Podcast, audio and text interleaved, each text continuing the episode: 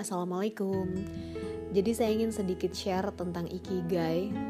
Awal saya tahu tentang ikigai waktu itu saya uh, sedang ke Gramet ya. Jadi biasanya suka baca-baca buku gitu.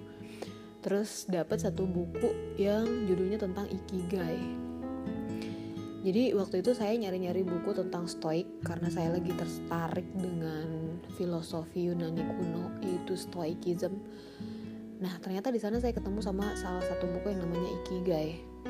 Jadi um, Ikigai ini adalah salah satu prinsip hidup orang Jepang. Jadi kenapa orang-orang Jepang itu hidupnya bahagia? Salah satunya dia pakai prinsip Ikigai. Nah, jadi sebelum kita melanjutkan Ikigai, saya sedikit cerita. Dulu zaman saya masih muda, zaman SMP kali ya itu waktu itu saya paling suka banget ngebaca buku tentang motivasi. Nah, di motivasi di buku tersebut itu banyak banget ngasih tahu bahwa kalau nanti kalau kita udah besar, kita harus bekerja sesuai dengan passion. Nah, dari zaman muda, saya tuh kadang masih bingung gitu dengan apa sih passion kita itu.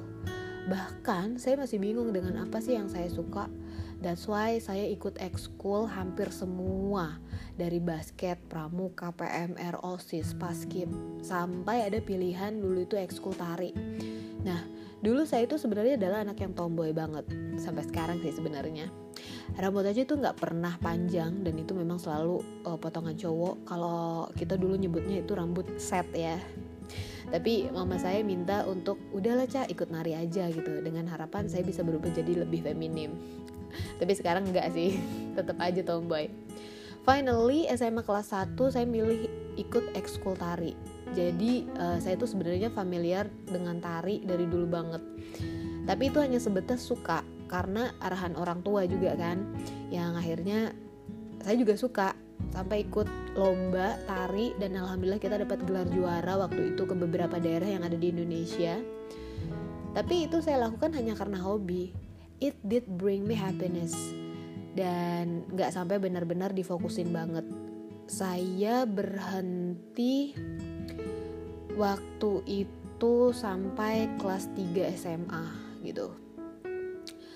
Um, setelah lulus selesai nggak lagi.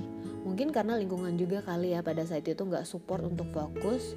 Sampai lulus pun saya masih bingung dengan apa yang saya suka apa yang menjadi passion saya.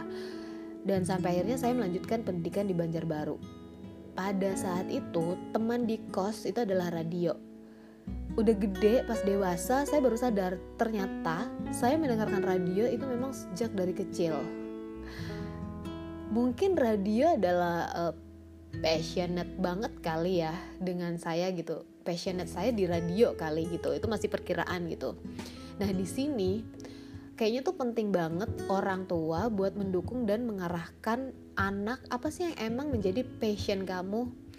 Jadi kita juga harus uh, bisa membedakan mana hobi dan mana passion. Saya baru sadar kalau saya itu dari kecil suka banget ngomong sendiri. Baca buku pun kadang suaranya tuh dikeraskan dan menghayal jadi penyiar radio atau menjadi presenter TV ya memang benar ternyata kita akan dipertemukan dengan apa-apa yang kita cari dan sekarang saya bekerja di tempat yang emang menurut saya ini adalah passion saya gitu. Dan saya dibayar buat itu. Sebelumnya juga saya pernah kerja di sebuah instansi pemerintahan dan ternyata saya nggak cocok dengan rutinitas. Dan memang saya bukan administrator yang administrator administrator yang baik sorry. Dan balik lagi gitu semesta emang selalu mempertemukan kita dengan apa-apa yang kita cari tapi tunggu dulu nih kamu nyaman dengan pekerjaan kamu itu nggak cukup. Lingkungan teman kerja itu juga sangat penting. Pernah saya merasa nggak nambah dan ingin mulai pindah kerja lagi nyari yang emang orang-orangnya benar-benar dimensinya itu sama dengan saya. Dan nambahin skill lagi nih buat upgrade diri. Tapi karena kondisi akhirnya saya harus bertahan dan gak bisa ninggalin tanah bumbu yang tercinta ini. Balik lagi nih kalau udah gitu yang harus kita lakuin adalah nge-create apa yang ada di sekitar kita sekarang ini. Kalau keadaan memang gak memungkinkan buat kamu nemuin orang-orang yang satu dimensi dengan kamu. karena kita anak daerah itu memang harus lebih struggle buat nyiptain lingkungan yang memang mendukung kita buat upgrade diri jadi kita emang bener-bener nge-create lingkungan orang-orang dan everything you need buat naikin value akhirnya saya mulai bekerja dengan happy bahagia gitu pekerjaan yang sesuai dengan apa yang kita suka dan ternyata memang saya bisa belajar dan saya dibayar buat itu. Nah, ternyata ini yang disebut dengan ikigai. Ikigai itu apa sih? Apa sih sebenarnya ikigai? Nah, buat kamu yang mungkin belum tahu, ikigai itu sebenarnya rangkaian dari passion, mission, profession, and vocation. Jadi, e, mereka itu terikat gitu uh, passion mission what you love what uh, the world needs what you can be paid for what you are good at jadi emang kamu tuh ngerjain sesuatu yang memang kamu suka, kamu mumpuni, kamu bisa, dan kamu dibayar buat itu. Kamu happy gitu buat ngerjain itu. Itu yang disebut dengan ikigai. Jadi akhirnya saya mulai berada di ambang pengen lagi nih, pengen nambah lagi nih, naikin value lagi nih tapi I gonna do what I love but it's not enough jadi ternyata kita mesti nambah lagi dan kita mikir lagi nih ini sebenarnya ikigai kita nggak sih? Jujur ya saya pun juga masih bingung. Ini benar nggak sih ikigai saya? Nah buat kamu yang masih bingung eh, gimana sih cara nemuin ikigai? Menurut saya kita tuh harus nyobain banyak hal. Karena sering kali kita tuh justru tidak menemukan apa yang kita suka dalam hidup. Karena nggak berani nyoba sesuatu yang kita memang tidak kita suka gitu yang suka dan kita tidak suka itu harus uh, kita coba. Mungkin kita hidup hanya untuk bikin orang suka bikin orang bahagia atau hidup kita cuma ngikuti pattern yang sudah ada. Akhirnya kita nggak tahu sebenarnya preferensi kita ini apa sih? Kita sukanya apa? Biar uh, biar kita itu tahu bener gak sih ini ikigai kita? Akhirnya dengan yang tadi yang saya anggap bahwa ini adalah ikigai saya karena saya tipikal orang yang masih kurang yakin dengan apa yang saya punya dan masih suka nyari-nyari lagi akhirnya saya uh, berusaha keluar lagi dari zona nyaman bikin usaha usaha laundry ini adalah hal ternekat dalam hidup saya karena pertama kali dalam hidup mengeluarkan banyak uang untuk sebuah usaha di sini niatnya cuma pengen tahu batasan nih, apakah saya kuat atau enggak.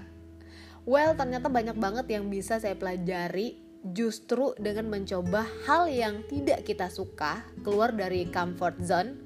Ini tuh lebih gampang untuk mengenali diri sendiri dan ini bikin kita berkembang, lebih kuat, lebih tangguh dan kita belajar bertanggung jawab tentang apa pun hasilnya, entah apa pun hasilnya kita um, siap dengan apa pun yang bakalan terjadi kita belajar menerima uh, tapi bukan berarti kamu mesti uh, ikutin uh, seperti apa saya gitu.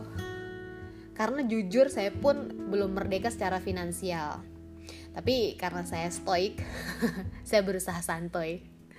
Dan uh, buat kamu yang saat ini lagi nyari-nyari ikigai jadi menemukan ikigai itu tuh sebenarnya membutuhkan some kind of self love. Lepasin diri kamu dari insecure, merasa nggak kuat, nggak mampu, nggak berarti, tidak capable. Kamu di sini penting banget perlu depend sama diri sendiri karena kamulah yang jadi tour guide kamu buat next kehidupan kamu. Kamu harus percaya bisa menemukan dan percaya dengan diri sendiri yakin itu penting banget dan saya juga jujur banget ya kadang suka masih sedikit iri dengan teman-teman yang mungkin udah pada sukses ngelihat di media sosialnya. Tapi percayalah bahwa setiap orang itu punya timingnya masing-masing. Mungkin ada yang sukses di saat muda ada yang timingnya pada saat dewasa. Dan kita harus yakin tidak ada kerja keras yang sia-sia dan tidak perlu down melihat orang-orang yang share kesuksesannya di media sosial. Semua ada timingnya. Dan percayalah, jangan pernah takut untuk mencoba let it flow yakin bahwa waktunya akan datang buat kita. Itu aja sih. Thank you. Wassalamualaikum. Semangat buat yang lagi nyari ikigai